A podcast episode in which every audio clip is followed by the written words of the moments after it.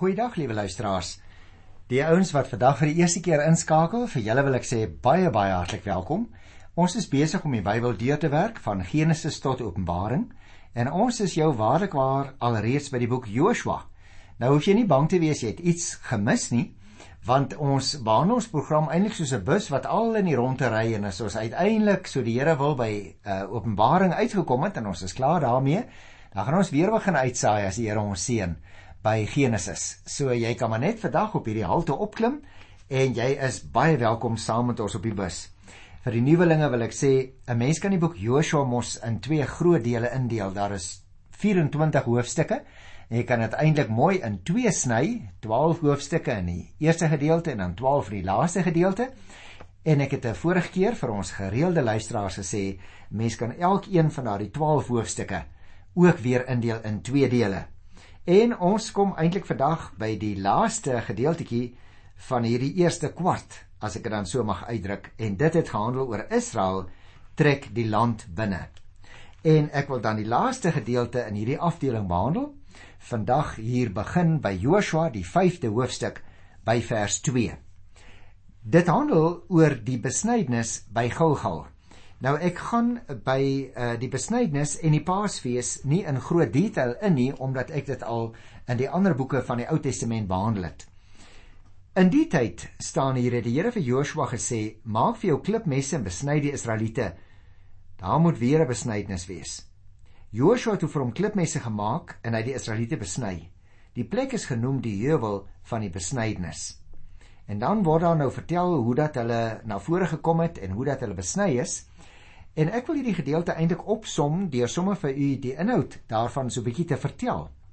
Want jy sien liewe luisteraar, die gebeure by Gilgal dink ek is een van die historiese bakens in die geskiedenis van Israel. Die 40 jaar wat hulle in die wildernis moes rondswerf, is as dit ware nou eers hier by Gilgal afgesluit. En die nuwe tyd waarin hulle nou die land wat God aan hulle gegee het, kon gaan bly, het nou hier by Gilgal begin. So dit is in 'n sekere sin 'n baie baie besondere historiese en ook godsdienstige baken wat hulle hier bereik het. Ek wonder of jy geweet het die naam Gilgal beteken dat iets weggevat of afgehaal is. Nou vir 40 jaar moes die Israeliete onder die smaad van God leef omdat hulle geweier het om hom te vertrou om hulle in die beloofde land in te lei. Gaan lees met daardie verhale Numeri 14.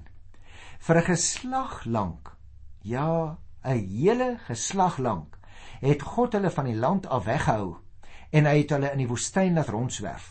Nou vat God daardie verbod en skande weg van hulle af. Hy haal die smaad van hulle af by Gilgal wat dan beteken om weg te vat of af te haal. En daarom as 'n mens uh, hier lees in Joshua 5 vers 2 tot by vers 9, dan moet jy oplet Die Here het vir Israel deur Jordaan laat trek en in die land wat hy aan hulle beloof het, laat inkom. En nou hier by Gilgal is omtrent so, ek sou sê so 2 km noordoos van die van uh, die klein dorpie Jerigo, het Israel nou hulle verbond met God herbevestig alvorens hulle probeer het om die land te verower. Jy moet oplet dit gebeur voor die inname van Jerigo, daarom gaan ek net nou daarby langer stil staan. God beveel Joshua om almal wat nie in die verbondsteken gedeel het nie om hulle te laat besny. En hierdie besnydenis was die sigbare teken dat Israel die volk van God is en dat hulle aan hom behoort.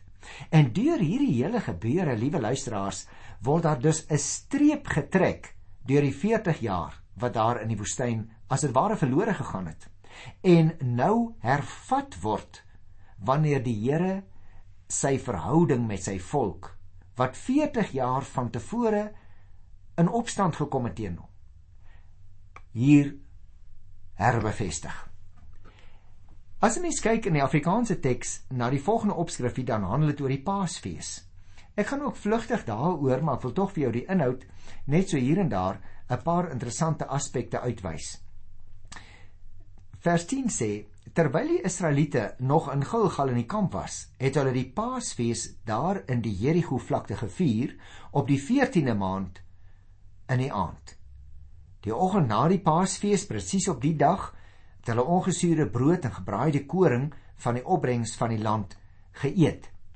Nou as jy die uh, hele klompie verse gaan lees, dan sien jy daar ook interessante opmerkings sien wat uh, die Bybelskrywer vir ons aangeteken het en dink ek wat baie belangrik is. Want jy sien ook die manna van die wildernis tyd het nou tot 'n einde gekom. Die Here het op 'n wonderlike manier vir die Israeliete manna gegee terwyl hulle die 40 jaar lank in die woestyn rondgeswerf het. Gaan lees maar daar van Eksodus 16 af. Dan sê die hele verhaal daar kry. En nou begin hulle lewe van die opbrengs van die land wat God aan hulle gee. En het hulle nie meer die manna van die woestyntyd nodig nie. Daarom is dit baie interessant dat die eerste kos hier van die beloofde land wat hulle eet is juis om weer die Pasga te vier en dan van die opbrengs van die nuwe land te eet. Die Here het vir hulle kos gegee terwyl hulle in die woestyn was. En nou, ja, nou het hy ook vir hulle kos gegee uit die grond van hulle nuwe land. En daarom vier hulle nou ook in die vroeë lente, hier by die begin van die oes, die Paasfees. Dis 'n vreugdefees wat hulle herinner aan God se magtige wonderwerke wat hulle in staat gestel het om uit Egipte weg te kom na die land wat die Here aan hulle beloof het en hy het by wyse van 'n wonderwerk vir die deur Jordaan getrek. So, liewe luisteraars, lyk dit vir my was Gilgal in 'n sekere sin die wendingspunt van verbondsvernuwing, maar ook terselfdertyd die wendingspunt en die vervulling van God se belofte. Jy sien, Die boek is as dit ware toegemaak oor die woestyntyd en 'n nuwe bladsy is omgeslaan na die nuwe tyd van die nuwe land wat God aan hulle gegee het om in te woon. God wil as dit ware die boek toemaak ook by jou en my opstand, liewe luisteraar. Hy wil ons wildtyd tem. Hy wil ons die toekoms wat hy vir ons in gedagte het oopmaak deur 'n verbintenis met hom in die land waar hy ook vir ons plaas om elke dag te lewe. Maar ek wil vir jou persoonlik slaggie 'n vraag vra. Waar lê jou lewensboek oop? Is dit nie dalk tyd dat jy ook 'n keertjie by hernuwing jou ooreenkoms met die Here moet bevestig nie? Weer 'n keer voor hom gaan kniel en sê: Here, daardie beloftes wat U vir my in die verlede gegee het, dit wil ek weer 'n keertjie opneem Ek wil my weer verbly daarin, want dit is wat hier met hierdie mense gebeur. Is jy nog dalk in die wildernis? Leef jy al werklik in die land, geestelike land ook, waar die Here vir jou gee aanderkant die leë graf van die Here Jesus? Ek wil vir jou pertinent vra, liewe luisteraar, hoe lyk jou lewe? Nou goed, hier aan die einde van Joshua hoofstuk vers 12 kom ons dan ook aan die einde van die eerste kwart van die boek. En nou begin ons met die tweede kwart. Met ander woorde, dit gaan nou hierso strek van die laaste gedeeltjie van hoofstuk 5 af tot aan die einde van hoofstuk 12. Nou kom ons begin dadelik daarmee. Die opskrif wat ons hier kry in Joshua 5 bo kan die 13de vers is die leeroowerste van die Here. En omdat dit nou die gedeelte is wat ons kan wat sal ek dit noem? Israel neem die land in besit. Ek dink dit sou 'n goeie opskrif wees vir hierdie kwart van die boek. Wil ek dit in groter detail graag met jou behandel. Joshua was naby Jerigo. Toe hy sien staan daar 'n man voor hom met 'n ontblote swaard in die hand. Joshua het na hom toe gegaan en gevra: "Is u aan ons kant of aan ons vyand se?" Nee, sê die man. Ek is die aanvoerder van die leer van die Here. Daarom is ek hier. Joshua diep gebuig en vir die man gesê: "Wat wil u aan my, u dienaar, sê?" Toe sê die leeroowerste van die Here vir Joshua: "Trek jou skoene uit, want die plek waarop jy staan is 'n gewyde plek."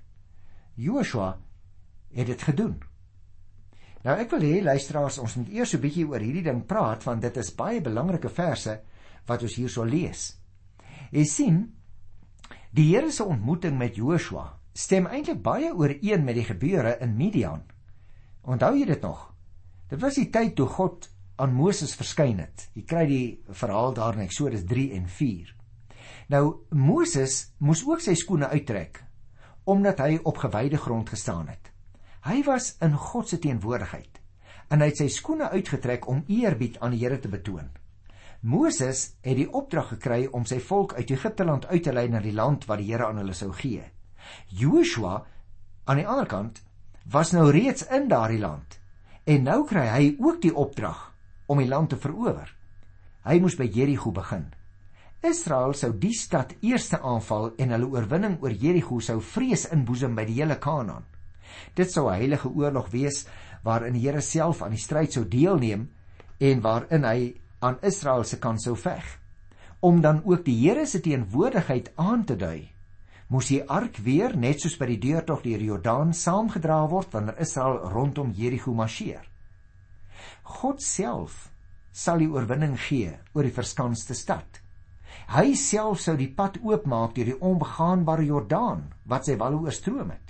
En die manskappe en die priesters moes in slagorde om die stad trek later om die vrees van die inwoners waarvan hulle by Ragab gehoor het nog verder aan te wakker. Dit lyk eintlik vir 'n mens as jy daarna kyk meer na 'n uh, oorwinning van die Here. En daarom is hierdie gedeelte so belangrik want jy sien hierdie vers 13 en 14 wat ons gelees het oor die aanvoerder van die Here daaroor moet ons ook ietsie sê. In die omgewing van Jerigo spesifiek het Joshua 'n buitengewone ervaring gehad toe die leeroowerste van die Here nou aan hom verskyn met 'n ontblote swaard het ons gelees. Nou liewe luisteraars, hierdie ontmoeting dien as 'n inleiding tot die inname van Jerigo. Die ontblote swaard wat hierdie man gedra het, was die teken van sy slagvaardigheid. En toe dit nou tot Joshua begin deurdring het met wie hy werklik te maak het, het hy eerbiedig diep gebuig. Hy het gevra wat die leeroowerste vir hom wil sê. En toe ons gelees in die 15de vers en dit is belangrik. Joshua ontvang toe die opdrag om sy skoene uit te trek. Net soos Moses destyds in die woestyn waaraan ek jou nou net herinner het in Eksodus 3. Want jy sien, hy het hier met die Here se verteenwoordiger te doen wat aan hom die versekering bied dat God die Israeliete in die stryd om die beloofde land self sal lei. Miskien was dit 'n verskyningsgestalte van die engel van die Here. Dieselfde as waarvan 'n mens byvoorbeeld lees in Daniël 8 vers 11 en wat ons ook ook teëgekom het in Numeri 22 daar by die 23ste vers. En daarom haas ek my nou, liewe luisteraars, nadat ons nou gelees het van hierdie verskyning van die Here aan hom om te kom by die inname van Jerigo. Die eerste vers sê: Jerigo was gesluit en verskans teen die Israeliete. Niemand het uitgegaan of ingekom nie. Nou dis interessant dat die boek juis so begin. Want jy sien hierdie vers onderbreek die gesprek wat ons nou net gehad het met die leeroowerste. Niemand staan hier kon die stad binnekom of verlaat nie. Die koning en sy onderdane het op hulle skanse en wapens vertrou en hulle het gereed gemaak om die verwagte aanval die hoof te bied. Nou gaan ek vers 2 tot 5 lees want al die voorbereidings is nou as dit ware getref en nou praat die Here op 'n baie besondere direkte manier met Joshua. Hy sê: Ek gaan Jerigo, sy koning en sy soldate nou in jou mag oorgee. Julle moet om die stad loop. Al die manne onder wapen moet eenmaal om die stad loop en dit moet julle 6 dae lank doen. Sewe priesters moet elkeen 'n ramshoring voor die ark uitdra. Die sewende dag moet julle 7 maal om die stad loop. Dan moet die priesters die ramshorings blaas en sodra die ramshorings blaas en julle dit hoor, moet al die manskap by die aanvalskreet hard skreeu. Die muur van die stad sal in mekaar stort en die manskappe kan oorklim elkeen reguit vorentoe. Hulle kry dus hier baie spesifieke opdrag wat hulle presies moet doen. En in sy gesprek met Joshua verseker die Here nou hierdie dapper leidsman dat hy die stad, sy koning en sy soldate in Joshua se mag sal gee. Het jy opgelet luisteraar? Joshua moes die Here glo vertrou. Die gewapende weerstand wat Joshua kon verwag en die wyse waarop Jerigo in die hande van die Israeliete sou val, dit moes alles dien om die almag en die beskikkingsreg van God te verkondig. Joshua moes met ander woorde sy leers in 'n bepaalde marsorde opstel. Die soldate het voorgeloop. Daarna het sewe priesters met ramshorings gevolg, terwyl die ark in die agterhoede gevolg het in hierdie geval. Die sewende dag moes hulle sewe keer om die stad trek, waarna die priesters hulle ramshorings moes blaas, terwyl die soldate die aanvalskreet hard moes uitskreeu. En hierna kry hulle 'n belofte sou die muur van die stad inval en die aanvallers kon uit alle rigtings natuurlik dan in die stad ingaan. Ek wil net weer uh, sê, liewe luisteraar, miskien is daar iemand wat nou later ingeskakel het en nie weet nie. Die stede in Palestina wat uit hierdie tyd dateer, was nie baie groot nie. Die ruïneheuwel wat ons vandag ken as Tel es Sultan, waar Jerigo na alle waarskynlikheid geleë was, was hoogstens 225 by 85 meter groot en 600 meter in omtrek. Nou goed, kom ons gaan nou verder by die 6ste vers. Joshua die seun van Nun het die priesters geroep en hulle gesê: "Vat die verbondsark, laat sewe priesters elkeen 'n ramshoring voor die ark van die Here uitdra." Nou luisteraars, dit moes darem 'n besondere optog gewees het, nie waar nie? Hier begin priesters te stap rondom die stad. En ek kan my net voorstel hoe bang die ouens moes geword het daar aan die binnekant. Die klomp mense wat in Jerigo woon. Want hulle verstaan glad nie wat hier gebeur nie. Hulle het verwag die Israeliete gaan hulle aanval en nou moet hulle al om die stad loop. 'n Hele klomp dae, een dag na die ander. Sewe priesters, sewe dae, sewe maal rondom die stad. En hierdie mense het heeltemal verbuisterd aan die binnekant van die stad gesit en bewe stel ek my voor. Maar nou kom ons. En nou wil ek net by die 10de vers die verhaal optrel. Joshua het die manskappe beveel: Julle moenie skreeu of 'n geluid laat hoor nie. Nie 'n woord moet uit julle mond kom voor die dag dat ek vir julle sê skreeu nie. Dan moet julle skreeu. Joshua het die ark van die Here om die stad laat gaan. Toe dit eenmal om was, het hulle na die kamp toe teruggegaan en die nag in die kamp deurgebring. Die volgende dag het Joshua vroeg begin Die priesters het die ark van die Here gedra. Die sewe priesters wat elkeen 'n ramshoring voor die ark van die Here uit moes dra, het die ramshorings geblaas terwyl hulle loop. Die gewapende manne het voor hulle uitgeloop en die agterhoede het die ark van die Here gevolg. Jy sien dis presies die teenoorgestelde as in die woestyntyd. In die woestyntyd het die ark altyd vooruit gegaan. Hier volg die ark nou agterna. En dan staan daar terwyl hulle loop, die ramshorings geblaas. Hulle het die tweede dag eenmaal om die stad geloop, toe teruggegaan kamp toe. Dit het hulle 6 dae lank gedoen. Die sewende dag het hulle vroeg toe die rooi dag breek begin. Hulle het 7 maal om die stad gegaan in dieselfde volgorde as tevore. En daardie dag het hulle dus 7 maal om die stad gegaan. Na die sewende maal het die priesters die ramshorings geblaas. Joshua het vir die manskappe gesê: "Skreeu! Die Here gee die stad aan julle oor. Nou luisteraars, ek wil eers graag so 'n bietjie met jou gesels want hierdie uh, is interessante verse wat ons nou net gelees het. Het jy opgemerk? Joshua het die bevele van die Here nou keurig uitgevoer. Net soos hy voor die tyd vir Joshua gesê het, net presies so het hy gesorg dat sy manskappe dit doen. Dit val vir my op dat die ark weer eens hierdie sentrale posisie inneem. Wat wil dit vir ons sê? God neem die inisiatief hier en die volk moes gelowig uitvoering gee aan al die opdragte van die Here. Alleen op die wyse kan die land hulle besitting word. Die verhaal vertel vir ons wat op elke dag gebeur het en die verteller voer dit as dit ware op na 'n klimaks toe tot op die sewende dag. En op hierdie laaste, die sewende dag, toe hulle die laaste keer om die stad trek, het Joshua eers die bevel gegee: "Skreeu! Die Here gee die stad aan julle oor. Nou gaan ek verder lees by vers 20. Toe skreeu die manskappe en die ramshorings blaas. Net toe die manskappe die ramshorings hoor, het hulle die aanvalskreet hard uitgeskreeu. Toe stort die mure mekaar en die manskappe gaan oor die stad in. Hulle die stad ingeneem en alles wat daarin is uitgedelg, man en vrou, jonk en oud, selfs die beeste, die skape en die donkies. Vir die twee manne wat die land moes verken, het Joshua gesê: "Gaan na die huis van die prostituut toe en bring die vrou en al haar mense uit, soos julle haar met 'n eed beloof het." Die verkenners het toe gegaan vir Rahab, haar pa en ma, haar broers en al haar mense, haar hele familie uitgebring en vir hulle 'n plek buite die kamp van Israel ingerig. Die stad met alles wat daarin is, is verbrand. Net die silwer en die goud en die brons en die ystergoed is in die skatkis van die huis van die Here gesit. Joshua het die prostituut Rahab en haar familie, al haar mense laat lewe. Sy het tussen die Israeliete gaan woon en haar nageslag woon nou nog hier. Omdat sy die manne van wie Joshua gestuur het om Joshua te verken, weggesteek het. Nou dit som dus in 'n sekere sin vir ons 'n stuk geskiedenis op wat van tevore al by wyse van 'n eed ooreengekom is met hierdie vrou. Jy sien hierdie verse vertel vir ons die verhaal in breë trekke.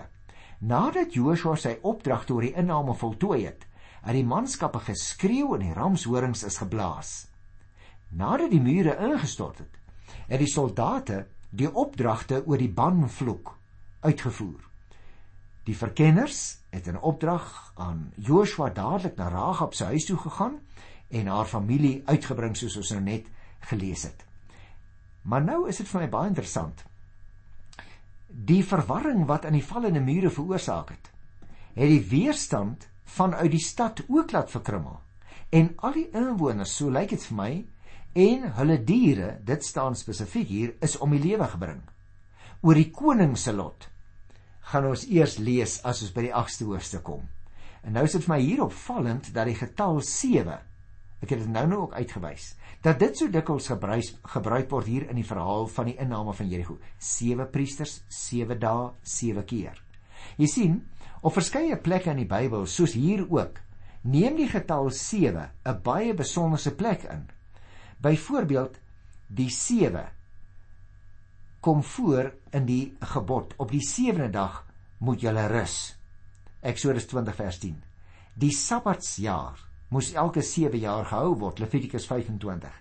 Die jubeljaar ook elke 7de jaar, Levitikus 25. Die sewe seels, die sewe engele, die sewe trompette, die sewe bakke. Onthou jy Openbaring 6?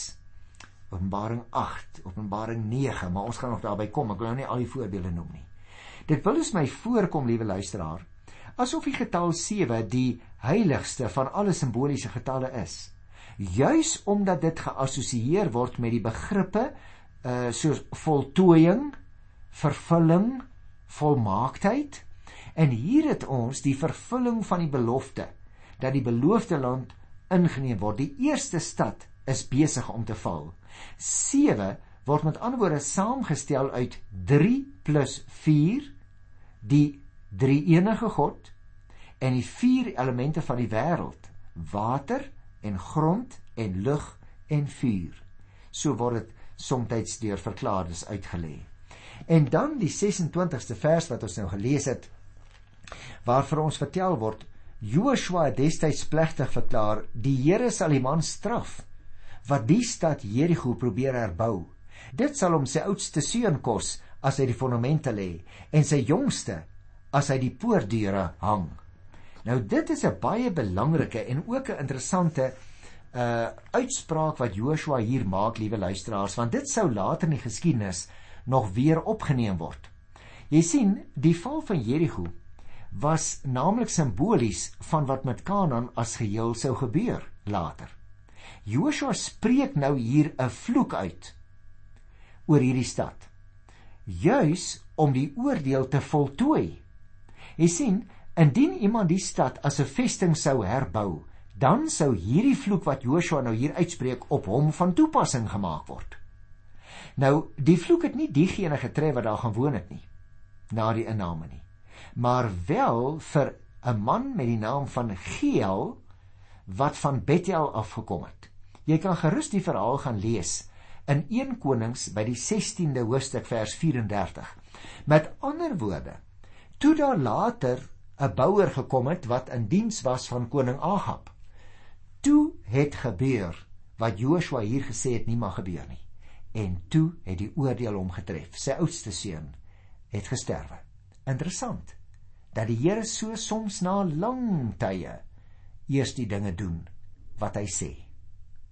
Ek groet jou dan tot volgende keer in die wonderlike naam van ons Here. Tot dan. Totsiens.